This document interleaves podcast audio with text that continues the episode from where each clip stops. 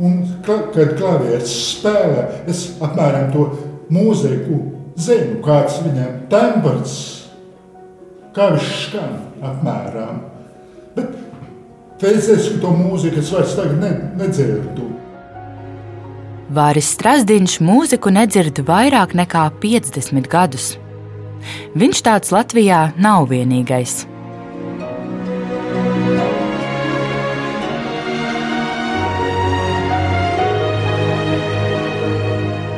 Tauras, akordeons, bongas, katram instrumentam savs skaņas, to es atceros.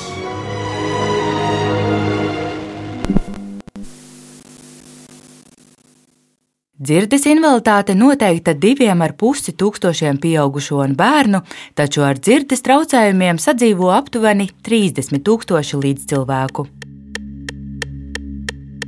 Ar kādiem izaicinājumiem saskaras vājdzirdīgi un nedzirdīgi cilvēki, un ko darīt varam mēs, sabiedrība, lai uzlabotu ikdienu visiem, par to turpmākajā pusstundā stāstīšu es, Baiva Runce. Pirmā daļa - paklausies, kā putns dzied.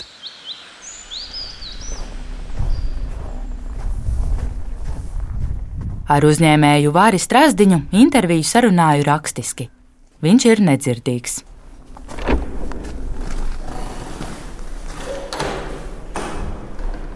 Vienojāmies vispirms tikties viņa birojā Rīgas klusajā centrā, lai saprastu, vai varēsim sazināties bez surtotūka palīdzības. Varis runā, jo dzirdi zaudēja septiņu gadu vecumā. Jā. Savukārt es pirms tam lejuplādēju mobilo lietotni, kas manus jautājumus pārvērtīs rakstiskā tekstā. Man slēpjams šo te? Nu, kāpēc? Es no lūpām esmu. Ā, nopietni? Jā. Oho. Es nezinu, kā jūs varēšu nolasīt. Es vienkārši lejuplādu. Ja jūs lēni un skaidri runājat, tad es varu bez problēmām nolasīt. Es domāju, ka es varu runāt lēni un skaidri. Jā, mēram saprotu. Varis pieļauj, ka no lūpām lasa aptuveni 20% nedzirdīgo. Arī viņam tas nevienmēr izdodas. Piemēram, nolasīt, ko saka vīrieši ar ūsām vai vārdu, nevar. Viņš pats reti runā balsī, parasti tomēr izmanto zīmju valodu. Slimība bija, un lai varētu slimību novērst, antibiotikas bija jālieto, un tad pēkšņi dzērta pazuda. Tāpēc septiņu gadu vecumā jau bērns vēl nav pilnīgi apgūlis valodu. Mācījos speciālā skolā, Valmjerā, un varbūt tāpēc, ka daudz grāmatas lasīju. Un, tā kā man skaņa nebija pieejama, tad iedziļinājos lasīšanā. Tāpēc varbūt valoda ir laba. Latviešu valodā varas savas domas var izteikt bez problēmām. Taču svešvalodas gan viņš apgūt nevar, jo izruna no rakstveida formas atšķiras. Dažreiz man rodas pat problēmas. Domā, ka es dzirdu un sāku kliegt. Visādi jocīgi gadījumi ir bijuši. Pandēmijas laikā nedzirdīgo un vājdzirdīgo saziņa ar dzirdīgajiem ir apgrūtināta sejas masku dēļ. Mēs sarunājamies bez problēmām. Tikai vienu reizi varis lūdzu jautājumu uzrakstīt uz lapas. Vai jūs atceraties skaņas no tā laika, kad jūs dzirdējāt? Jūs atceraties, kā skan?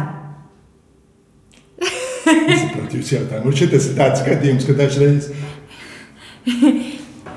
jūs varat uzrakstīt. Protams. Īsumā, īsumā.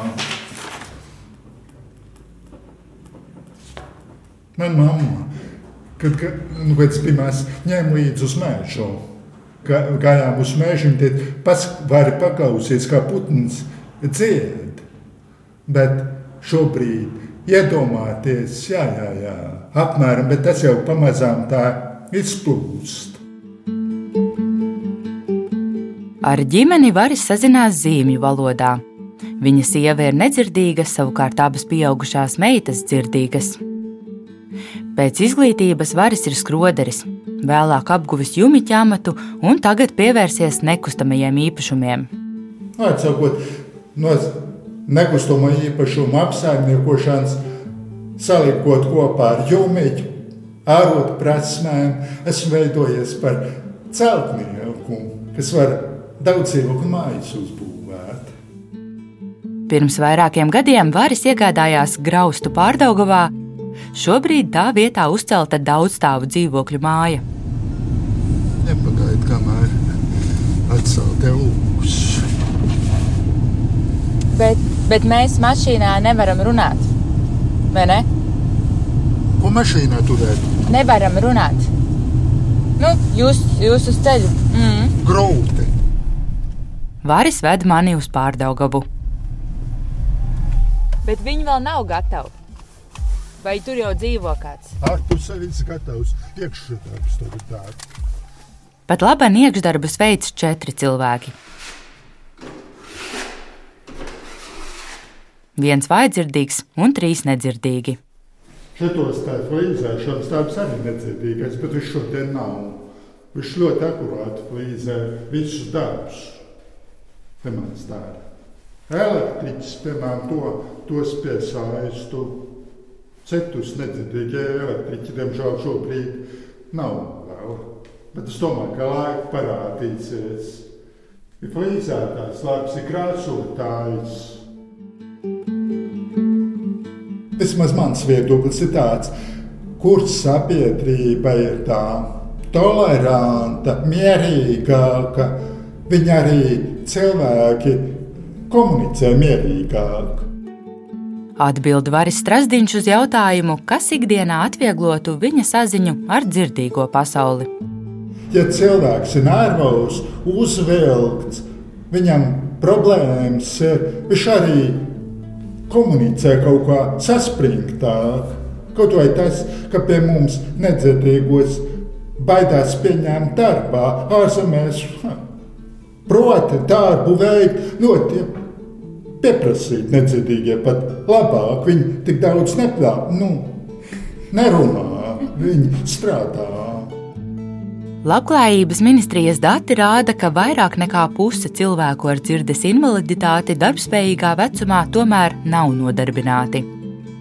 Lai nedzirdīgie varētu iekļauties sabiedrībā, strādāt un saņemt pakalpojumus, valsts nodrošina 120 surdo tulka stundas gadā. Es izmantoju pie ārsta, piemēram, tiesvedībā. Vāris Strasdiņš tulku piesaista, lai nerastos pārpratumi un saziņa būtu raitāka. Tāpat Vāris nevar lasīt no lūpām, ja vienlaicīgi runā vairāki cilvēki. Piemēram, būvvaldē aizēja, tur arī sarežģīta visādi likumdošana. Tur, protams, tulku vajag paņemt līdzi.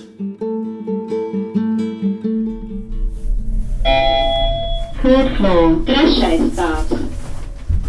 Surdo tulkus sadarbībā ar Labklājības ministriju nodrošina Latvijas Nedzirdīgo savienība. Šobrīd ar aptuveni 2000 klientiem strādā 35 tulki visā Latvijā. Labdien! Savienības pārstāve Sandra Gerenovska stāsta, ka surdo tulku trūkst, jo atalgojums nav konkurētspējīgs. Nu, mēs ilgus gadus strādājām pēc 14. gada pakalpojumu groziem. Tas nozīmē, ka atalgojums bija 14. gada līmenī visu laiku. Tikai šogad atalgojums pārskatīts un stundas likme palielināta. Viena surdo tulka darba stunda no valsts budžeta izmaksā nepilnus 13 eiro. Tomēr daži tulki, nesagaidot algas pieaugumu, profesiju jau ir pametuši. Bet, nu tā, bet mēs strādājam. Neskatoties uz pandēmiju, tūki strādāja ar pilnu klapu. Ne visi cilvēki ar dzirdes traucējumiem prot zīmju valodu. Nedzirdīgo savienība organizē maksas kursus ikvienam interesantam, taču piesakās nedaudzi. Piemēram, kaimiņu valstī Lietuvā zīmju valodas apmācība visiem ir bez maksas. Lai gan arī Latvijā valsts valodas likumā noteikts, ka valsts attīsta zīmju valodu, Gerenovska uzskata, ka īstenībā tā ilgstoši atstāta novārtā. Kultūras ministrs pats bija klāt. Viņš lielāks visiem neredzīgiem. Visiem. Es saku, bet nedzirdīgiem, nu kā nav. Neredzīgiem ir bibliotekas veselības, nedzirdīgiem nav pat grāmatas. Vecākiem, kuriem piedzimst nedzirdīgi bērni, ir iespēja kopā ar bērniem apgūt zīmju valodu, izmantojot valsts apmaksātos sociālās rehabilitācijas pakalpojumus. Tomēr vecāku interese nav liela. Bet ir tā, ka mamma dažas atved bērnus, sēž, mamma sēž kordā. Lūdzu, nākat iekšā, mamma nē. Izglītības un zinātnes ministrijā piekrīt, ka zīmju valodu valsts ilgus gadus nav atbalstījusi, taču sola pārmaiņas. Nākamā gada laikā gatavos mācību līdzekļus bērniem ar dzirdes traucējumiem, latviešu valodas un zīmju valodas apguvēju Tāpat portālā Tava klase jau tagad pieejami 916 mācību video, kuriem nodrošināts surdo tulkojums.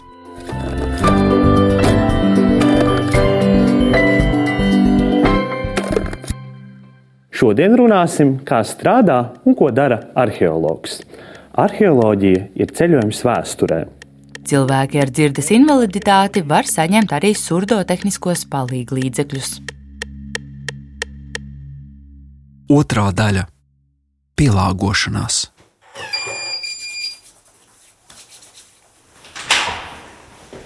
Labdien, es biju Ineses. Jā. Pareizi, ja? Jā.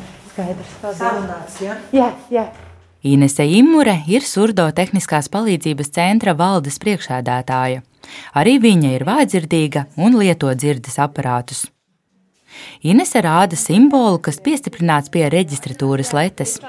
Tas ir zils kvadrāts, uz kura attēlota stilizēta auss. Un, ja jūs kaut kur redzat tādu simbolu, tas nozīmē, ka tā vieta ir aprīkota ar indukcijas, jeb dzirdes silpu. Inese dzirdes aparātā ieslēdz induktīvās spoles režīmu, lai varētu izmantot indukcijas cilpu. Jā, nu tagad ir tā. Es nedzirdu apkārtējo trokšņus nemaz, bet es esmu tādā kā nu, magnetiskā laukā, un es dzirdu tikai reģistratoras balsi. Tad viņa man var pajautāt, nu, kādu laiku. Jā, es vēlos pierakstīties uz dzirdes aparāta saņemšanu. Dzirdes aparāts vienmērīgi pastiprina visas skaņas apkārt, bet dzirdes cilpa ļauj uztvert svarīgāko. Un, kad es aizbraucu uz ārzemēm, es Uzreiz ievēroju bankās vai lidostās. Ah, tā silpa ir. Tas nozīmē. Mums ir bankās vai lidostā? Nu, nē, neesmu redzējis. Varbūt es priecājos, ka mums arī iet uz labo pusi. Būvnormatīvs paredz, ka konferenču un semināru telpām jābūt aprīkotām ar akustisko cilpu. Tāda ir piemēram Latvijas Nacionālās Bibliotēkas ziedoņa un semināru zālēs, arī Latvijas Nacionālajā Mākslas muzejā. Tad es paprasīšu, vienkārši mums nav neviens tā akustiskā cilpa, jūs teicāt. Nu, mājaslapā ir rakstīts, jā, ka trešajā stāvā ir. Audio cilpa Nacionālā muzeja konferenču zālē un trešā stāva vestibilā, līdzīgi kā citvieta, pieejama vien uz pasākumiem, un kā vēlāk atzīst tehniskais darbinieks, tiek izmantota reti. Re, kur ir tā silpa?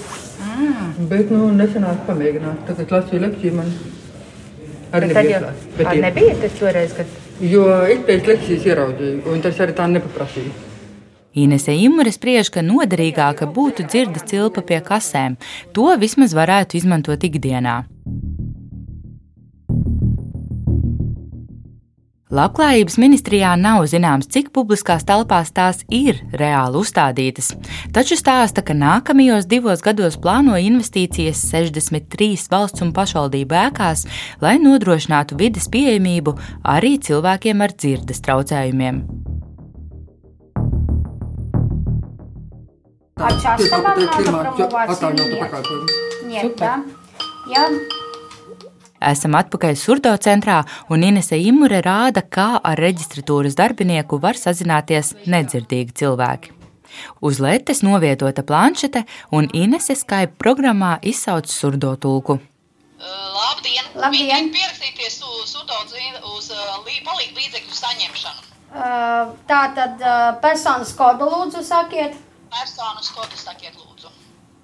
Šāda planšete pieejama arī dzirciem aptiekā, un vēlāk ar iniciatīvu savienībā vērsās aptieku ķēde Apotēka. Nedzirdīgo saziņa ar tulkiem tiek nodrošināta 21 filiālē visā Latvijā. Pakalpojums gan iepriekš jāpiesaka. Reizi trijos gados šādu vizuālās saziņas ierīci nedzirdīgie var saņemt surdo centrā. Es eju teiksim, pie ārsta vai kur, ja man tulks nav līdzi. Es Nodemonstrēju. Es varu saģināt, ja tur attālināt. Savukārt reizi piecos gados surdo centrs piedāvā vairākus citus palīglīdzekļus, piemēram, dūmu detektoru ar gaismas signālu un vibrozvanu. Tad viņš te modina un uh, konkrētā gadījumā, tā kā saka, ka ugunsgrēks notika, ja, no, ja tu viņu atslēgsi, tad viņš tev rada, ka zvani uz 01, ja sanāk un skrien ar Tas ir Edvards Bērziņš Lācis, surto centra izpildirektors. Vispieprasītākie ir dzirdes aparāti, taču rindā šobrīd jāgaida desmit mēnešus. Izņēmums cilvēks var saņemt aparātu ārpus rindas, ja strādā vai mācās. Pieprasījums pēc dzirdes aparātiem pieaug, jo sabiedrība novecos, saka Inese Imure. Jo lielākā daļa klientu mums ir pensionāri, kuriem ir vesuma vārdzība. Nu, konk konkrēti uz šodienu, ja skatos, gaida rindā 2574 cilvēki. Labklājības ministrija sola, ka nākamgad naudas būs vairāk, lai rindas pēc dzirdes aparātiem var mazināt.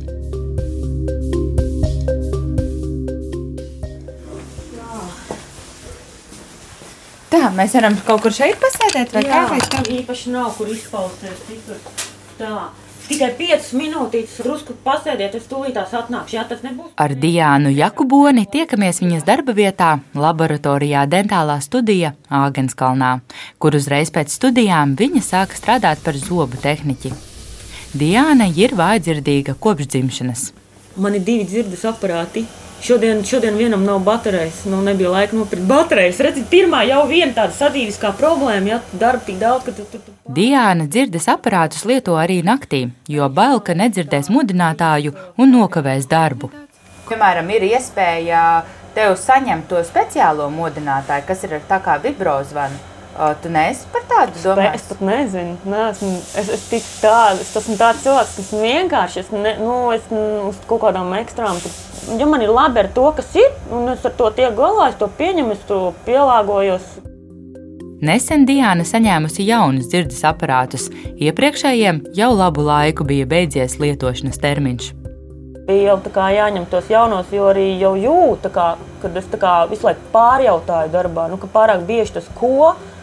Un ā, tad man tas diskomforts, tad es neesmu pārliecināta, vai tie kolēģi tiešām man jautā to, tā kā es to saprotu. Diāna sevi sauc par pieticīgu un vecmodīgu. Viņa neizmanto citus īpašos palīglīdzekļus. Viņas prāt tas tāpēc, ka audzināta tā, it kā viņai nebūtu dzirdes traucējumu. Diāna apmeklēja parasto skolu. Pirmo līdz kaut kādai trešajai klasē es neatceros, kā, kā man gāja tieši ar, ar aparātiem, bet nu, bija kaut kādas problēmas un kaut kāda uztveres problēmas, kas ir normāli. Jo, nu, jo it kā es dzirdu tiem aparātiem, bet uh, kaut kur paliek, nu, paliek nu, kaut kā tā skaņa un neaiziet citreiz līdz galam.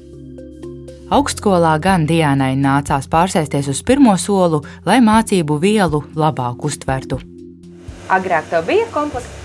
Ko, nu, vidusskolā vienbrīd izveidojās. tā Kā, nu, sākumā it kā nekas, jo es tā kā, nu, kā māma lika man parastā skolā, visu kā ar bērniem. Tur jau pirmajā brīdī man jau tie mati bija laikam vaļā sākumā, un tad viņi neredz, ka tur ir tie aparāti. Bet nu, pēc tam jau bija citā tajā vidusskolā, bija jau vienbrīd tāda, kad uh, nu, neapcēla, bet nu, atšķīros. Ja, tad uzreiz viņi attiecās pret mani savādāk. Un tad es atkal es vienbrīd nesāju copi, jo man liekas normāli, gribēju būt kā citas meitenes. Es nesāju copi. Un tad viņi redzēja, ka man ir tie aparāti, un tad pamazām kaut ko tur sāka kā, nu, uh, uztvert to par tādu dīvainību. Nu, un tad es atkal laidu tos matus vaļā, lai, to, lai nebūtu pirmais, ko ieraugt to, bet nu, lai mani ieraugtu vispirms to man personīgi, nevis tur. Bet, nu, Tagad tu nesāc opas. Nu, redz, man nē, man palicis jau, jau tur tie gadi jau aizgājuši, un tam man ir palicis tāds. It kā es saprotu, ka tas nav nekas, nu, ka visi jau, piemēram, darbā visi zina, ka man ir tie aparāti, nu, un ka es tur Bet tās copas, nē, nu, tos es, es nevaru. Man kaut kur palicis iekšā tāds, nu, tāda maza trauma. Nu.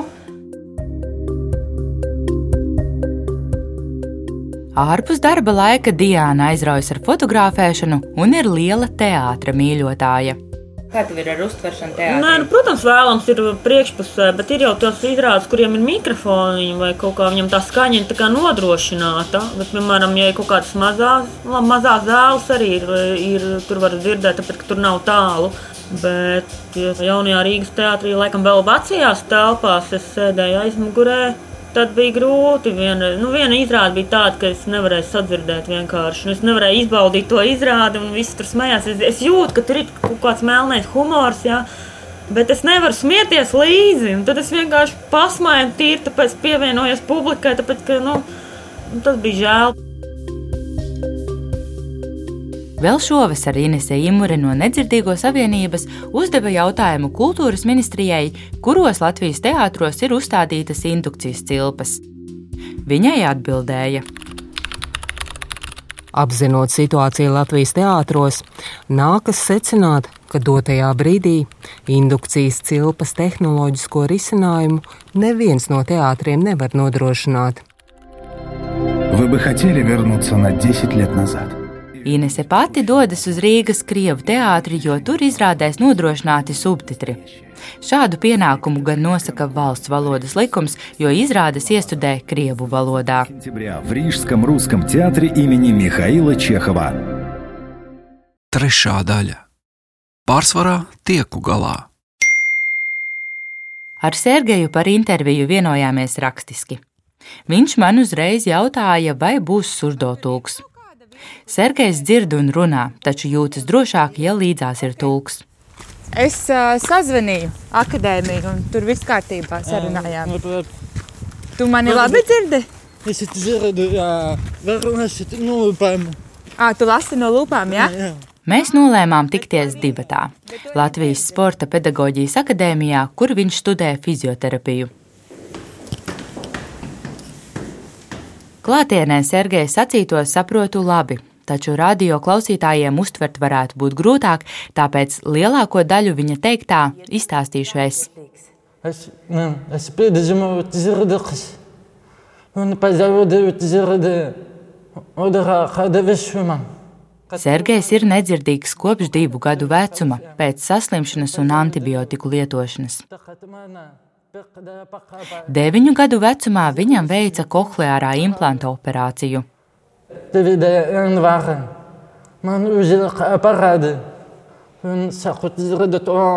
Tu uzreiz dzirdēji? Uzreiz tikai tādu vārdu nevar aprakstīt. Sergejs labi atceras dienu, kad sāka dzirdēt. Viņš dzīvo ģimenē, kur runā krieviski. Mācījās mazākumtautību speciālajā skolā. Latviešu valodu apguva deju kolektīvā un vēlāk vidusskolā, kur apzināti izvēlējās mācības latviešu valodā. Bet tev ir draugi gan dzirdīgie, gan nedzirdīgie. Ar nedzirdīgiem tu runā zīmju valodā, ar dzirdīgajiem mutiski. Jā. Un tev ir draugi gan latvieši, gan krievi. Un tu runā gan latviski, gan krieviski. Sergejs pārzina krievu un latviešu valodu, arī krievu un latviešu zīmju valodu, saprot angļu rakstu valodu un zina starptautiskās zīmju valodas pamatus. Bet šeit tev nāk tulks uz lekcijām. Tulks, ka Studijās valsts apmaksā 480 akadēmiskās stundas, Sergejam ar to pietiek. Ārpus akadēmijas viņš tulku praktiski neizmanto. pat pārsvarā, pats varu tikt kā, pats varu. Pats var tikt galā. Sergejs strādā par kurjeru ēdienu piegādes platformām. Saziņai darbā lieto telefonu vai pierakstu uz lapas. Bez pārpratumiem neiztikt, bet viņš uz dzīvi raugās pozitīvi. Kohleāros implantus bērniem valsts apmaksā kopš 2004. gada. Ja vājdzirdību atklāja agrīni un ievieto implantu, tad valoda attīstās dabiski vecākiem runājot ar savu bērnu, skaidro Sandra Kušķa, bērnu dzirdes centra vadītāja. Galvenais eh, nosacījums ir agrīni veikt šo kohlēro implantāciju, jo tas ir ātrāk līdz divu gadu vecumam, līdz pusotra, nu, ja izdodas ideāli līdz gada vecumam, tad šī valodas attīstība ir ļoti dabiskā veidā. Bet, ja bērns ir implantēts jau vēlīni pēc nu, diva pus, trīs gadu vecuma, tas ir jau jāpieliek papildus darbs, kur nu, ja tas vēl ir pēc četru vai vairāk gadu vecuma tas līdz ar to jau neiet tik um, spontāni. Tātad bērnam ir jāiemācās katra mazākā skaņa no nulles. Kopš 2015. gada implantus valsts apmaksā arī pieaugušajiem, ja dzirde zaudēta dzīves laikā.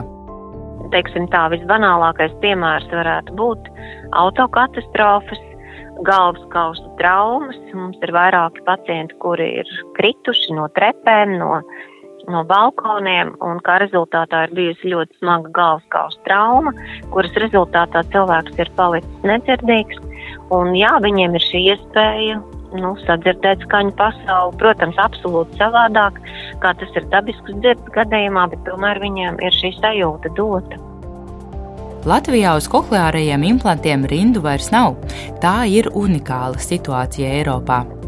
Tiklīdz mēs koncīlijām pasakām, ka to vajag, bērns viņu saņem ļoti ātrā laikā, ļoti ātrā. Dakteres Kušķas lielākās rūpes tagad ir par jauniešiem, kuri sasnieguši 18 gadu vecumu. Viņiem valsts atbalsts vairs nepienāks, taču ik pēc 5-7 gadiem implanta ārējo daļu jeb skaņas procesoru ir jānomaina. Jo iespējams tehnoloģija jau ir pabružājusies, palietojusies, bet pats galvenais pa šo laiku parasti jau ir jauna, tehniski daudz eh, inovatīvāka uh, skaņas apstrāde. Līdz ar to cilvēkam skaņu dzirdēt ir vēl tīkamāk, patīkamāk, labāk, komfortablāk. Taču Latvijā nav programmas pieaugušajiem. Implanta kopējās izmaksas ir 20,000 eiro, ārējās daļas - 10,000 nu, kur viņš var tikko beigt skolu, kāda viņam iespēja. Nu, nu nav. Nu, pat ja viņam ir 25, nu ne jau visi kļūst par miljonāriem 25. Sandra Kušķa ilgstoši rakstījusi gan Veselības ministrijai, gan Nacionālajam veselības dienestam. Viņa aprēķinājusi, ka procesora nomaiņa būtu nepieciešama 36 pieaugušajiem. Man tas šķiet reāli netaisnīgi, un tāpēc es tā par viņiem plēšos nu, staigā ar veco, kaut kā mēģina izlīdzēties. Ja tehnoloģija ir ļoti rūpīgi pret viņu ir attiecies bērns un, un tiešām viņu rūpīgi ir saudzējis, nu, viņi strādās arī pēc tiem septiņiem gadiem. Varbūt būs vajadzīgs kāds remonts. Nu, remonta izmaksas arī dārgas. No 600 eiro, citiem 400 eiro, un skatoties, cik viņš tur varbūt ir bijis nopietni. Viens no tiem, kuram vajadzētu jaunu implantu ārējo daļu, ir Sergejs tīri par to implantu, tev viņš ir kādreiz saplīsis, piemēram, vai? Ne. Kamēr vēl bija bērns, audio processors Sergejam vienreiz ir nomainīts. Man pirmās aparāts, es nevaru savu pasi sadzirdēt. Sergejs atminas lielo atšķirību starp pirmo un otro audio procesoru. Tikai otrais ļāvis sadzirdēt pašam savu balsi. Tur ir daudz labāk. Tagad tas būtu jāmaina atkal, taču valsts šīs izmaksas vairs nesadz. Sergejs vēlētos jauno implantu arī tāpēc, ka to var uzlādēt un nebūtu jāpērk baterijas. Es varu savienot ar telefonu, varu klausīties mūziku caur aparātu.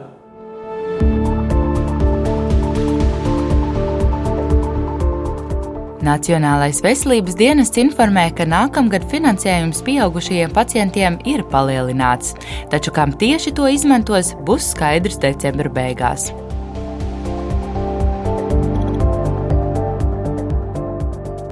Raidījumu veidoja Baiva Runce, Anita Brauna un Reinis Budze. Atvērtie faili!